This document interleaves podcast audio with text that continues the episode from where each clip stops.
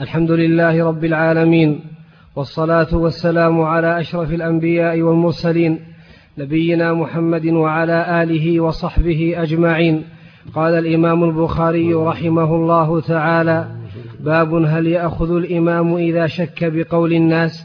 حدثنا عبد الله بن مسلمة عن مالك بن أنس عن أيوب بن أبي تميمة السختياني عن محمد بن سيرين عن أبي هريرة رضي الله تعالى عنه أن رسول الله صلى الله عليه وسلم انصرف من اثنتين فقال له ذو اليدين أقصرت الصلاة أم نسيت يا رسول الله؟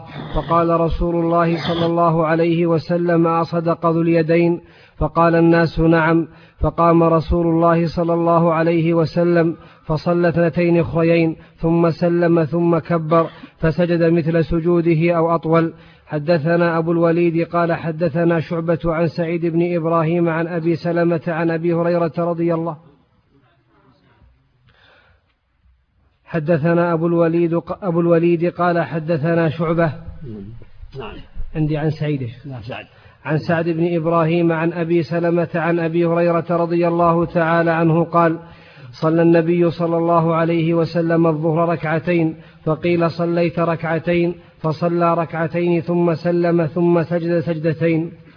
وهذا هو سلم عن نقص ثم نبه وتنبه يأتي بالتمام ثم يقرأ التحيات ويكمل ثم يسلم ثم يأتي بالسجدتين هذا هو هذا هو السنة. كما فعل النبي في قصة اليدين وفي حديث عمران. نعم. باب إذا بكى الإمام في الصلاة. وقال عبد الله بن شد وقال عبد الله بن شداد سمعت نشيج عمر وأنا في آخر الصفوف يقرأ إنما أشكو بثي وحزني إلى الله. حدثنا إسماعيل قال حدثنا مالك بن أنس عن هشام بن عروة عن أبيه عن عائشة أم المؤمنين رضي الله تعالى عنها أن رسول الله صلى الله عليه وسلم قال في مرضه مروا أبا بكر, مروا أبا بكر يصلي بالناس قالت عائشة قلت إن أبا بكر إذا قام في مقامك لم يسمع الناس من البكاء فمر عمر فليصلي فقال مروا أبا بكر فليصلي للناس. قالت عائشة لحفصة قولي له إن أبا بكر إذا قام في مقامك لم يسمع الناس من البكاء فمر عمر فليصلي للناس. ففعلت حفصة فقال رسول الله صلى الله عليه وسلم مه. إن كن لأنتن صواحب يوسف مروا أبا بكر فليصلي للناس. قالت حفصة لعائشة ما كنت لأصيب منك خيرا. وهذا يدل على أنه لا بأس بالبكاء في الصلاة من خشية الله جل وعلا. ولا حرج في ذلك كما بكى الصديق وكما بكى عمر وكما ثبت عنه صلى أنه بكى كان يبكي في الصلاة يصلي يسمع لصدره عزيز كعزيز من جميع البكاء عليه الصلاة والسلام. إذا كان عن خشية الله جل وعلا. نعم. أحسن الله لك إذا صلى الإمام الظهر ركعتين ثم ذكر وخشي أن العامة تلبس عليه أخبرهم إيش؟ إذا صلى الإمام ركعتين ثم نبه. فلما أراد أن يأتي بالأخريين قال للعامة أني سأصلي ركعتين وأسلم مرة أسجد مرتين حتى ما يلتبس عليهم. يصلي ما بقي ولا يحتاج يكفي ما فعله النبي صلى الله عليه وسلم. يقوم يصلي ما بقي والحمد لله. نعم. ولا يقول شيء. باب تسوية الصفوف عند الإقامة وبعدها. حدثنا أبو الوليد هشام بن عبد الملك قال حدثنا شعبة قال أخبرني عمرو بن مرة قال سمعت سالم بن أبي الجعد قال سمعت النعمان بن بشير رضي الله تعالى عنهما يقول قال النبي صلى الله عليه وسلم لتسون صفوفكم أو ليخالفن الله بين وجوهكم. حدثنا أبو معمر قال حدثنا عبد الوارث عن عبد العزيز عن أنس رضي الله تعالى عنه أن النبي صلى الله عليه وسلم قال أقيموا الصفوف فإني أراكم خلف ظهري. اللهم صل عليه وسلم. اللهم صل هذه من خصائص عليه الصلاة والسلام. الله أعطاه رؤيته من وراء عليه الصلاة والسلام. نعم. باب إقبال الإمام على الناس عند تسوية الصفوف. حدثنا أحمد بن أبي رجاء قال حدثنا معاوية بن عمرو قال حدثنا زائدة بن قدامة قال حدثنا حميد الطويل قال حدثنا أنس رضي الله تعالى عنه قال أقيمت الصلاة فأقبل علينا رسول الله صلى الله عليه وسلم بوجهه فقال أقيموا صفوفكم وتراصوا فإني أراكم من وراء ظهري. وهذا يفيد أن الإمام يتفقدهم ويلاحظهم ويأمرهم بإقامة الصفوف سد الخلل كما كان النبي يلاحظهم عليه الصلاة والسلام. نعم.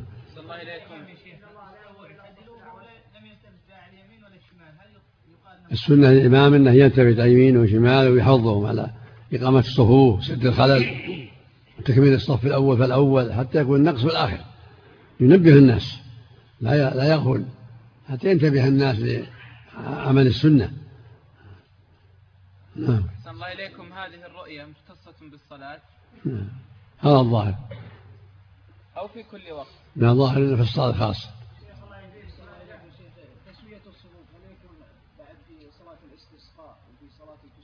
جميع الصلوات. نعم. نعم. نعم, نعم. ما لها حصل. ما نعرف لها حصل. نعم. نعم. نعم.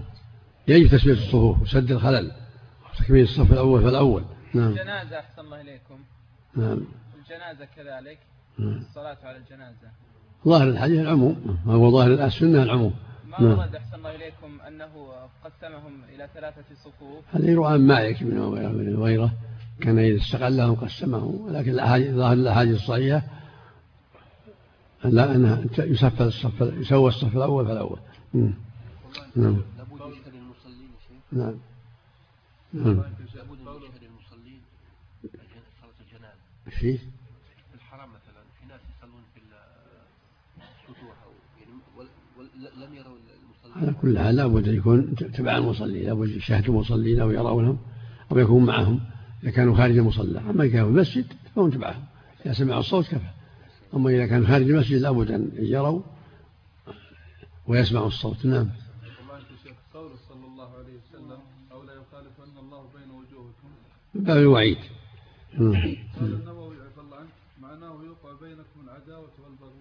يعني من باب الوعيد. نعم.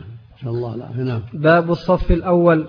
حدثنا جمع الصلاة عند المطر نعم. له وقت معين لو المطر استمر أسبوع نجمع الصلاتين مع الله لفترة أسبوع لا حرج إذا إذا صار به عداوة ومشقة. نعم. باب الصف الأول. نعم. باب التأويل اللي ذكر النووي نعم. اللي ذكر النووي رحمه الله لا مو هذا هذا معنى. يعني يصل بينهم الفرقة والاختلاف. نعم. إن شاء الله. نعم. باب الصف الأول. حدثنا أبو عاصم عن مالك عن سمي عن أبي صالح عن أبي هريرة رضي الله تعالى عنه قال قال النبي صلى الله عليه وسلم الشهداء الغرق والمطعون والمبطون والهدم. وقال ولو يعلمون ما في التهجير لاستبقوا ولو يعلمون ما في العتمة والصبح لأتوهما ولو حبوا ولو يعلمون ما في الصف المقدم لاستهموا. في من الأجر لو يعلم ما في من الأجر لاستهموا لاقترعوا نعم الله أكبر. نعم. باب مع رؤية الجماعة بعض الجماعة. إذا كان خارج المسجد. نعم. باب إقامة الصف من تمام الصلاة.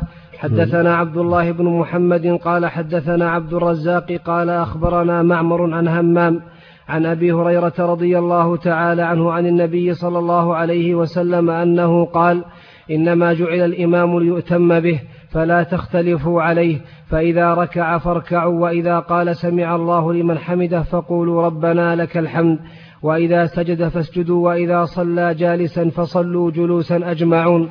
وأقيموا الصف في الصلاة فإن إقامة الصف من حسن الصلاة. حدثنا أبو الوليد قال فإن فإن إقامة الصف نعم. إنما جعل الإمام ليؤتم به فلا تختلفوا عليه فإذا ركع فاركعوا وإذا قال سمع الله لمن حمده فقولوا ربنا لك الحمد وإذا سجد فاسجدوا وإذا صلى جالسا فصلوا جلوسا أجمعون. وأقيموا الصف فإن وأقيموا الصف في الصلاة فإن إقامة الصف من حسن الصلاة. نعم. حدثنا أبو الوليد قال حدثنا شعبة عن قتادة عن أنس رضي الله تعالى عنه عن النبي صلى الله عليه وسلم قال سووا صفوفكم فإن تسوية الصفوف من إقامة الصلاة. باب إثم من لم يتم الصفوف. حدثنا معاذ بن أسد قال أخبرنا الفضل بن موسى قال أخبرنا سعيد بن عبيد الطائي عن بشير بن يسار الأنصاري عن أنس بن مالك رضي الله تعالى عنه أنه قدم المدينة فقيل له ما أنكرت منا منذ يوم عهد منذ يوم عهدت رسول الله صلى الله عليه وسلم. قال ما أنكرت شيئا إلا أنكم لا تقيمون الصفوف. وقال عقبة بن عبيد عن بشير بن يسار قدم علينا أنس بن مالك المدينة بهذا. باب إلزاق المنكب بالمنكب والقدم بالقدم في الصف. وقال النعمان بن بشير رضي الله تعالى عنهما رأيت الرجل منا يلزق كعبه بكعب صاحبه. حدثنا عمرو بن خالد قال حدثنا زهير عن حميد عن حميد عن أنس رضي الله تعالى عنه عن النبي صلى الله عليه وسلم أنه قال أقيموا صفوفكم فإني أراكم من وراء ظهري وكان أحدنا يلزق منكبه بمنكب صاحبه وقدمه بقدمه. باب إذا قام الرجل عن يسار الإمام وحوله الإمام خلفه إلى يمينه تمت صلاته. حدثنا قتيبة بن سعيد قال حدثنا داود عن, عن عمرو بن دينار عن كريب مولى بن عباس عن ابن عباس رضي الله تعالى عنهما قال صليت مع النبي صلى الله عليه وسلم ذات ليلة فقمت عن يساره فأخذ رسول الله صلى الله عليه وسلم برأسي من ورائي فجعلني عن يمينه فصلى ورقد فجاءه المؤذن فقام وصلى ولم يتوضأ. وفي هذا بيان السنة وأن الفرد يكون عن يمين الإمام وأنه إذا كبر عن يساره صلاته صحيحة ولكن يديره عن يمينه. ولا يلزمه أن يعيد أولها نعم. لأن نومه لا ينقض عليه الصلاة والسلام تنام نعم تنام عيناي ولا ينام قلبي عليه الصلاة والسلام نعم. نعم. آه، الحل في في بعض الأئمة يكبرون ثم يبطئون الشيخ الآن مثلا يكبر للركوع نعم. في فيبطئ فيأتي سرعان الناس ويركعون قبله نعم. سم. باب المرأة وحدها تكون صفا. بركة سم. نعم. أحسن الله إليك. نعم. سم.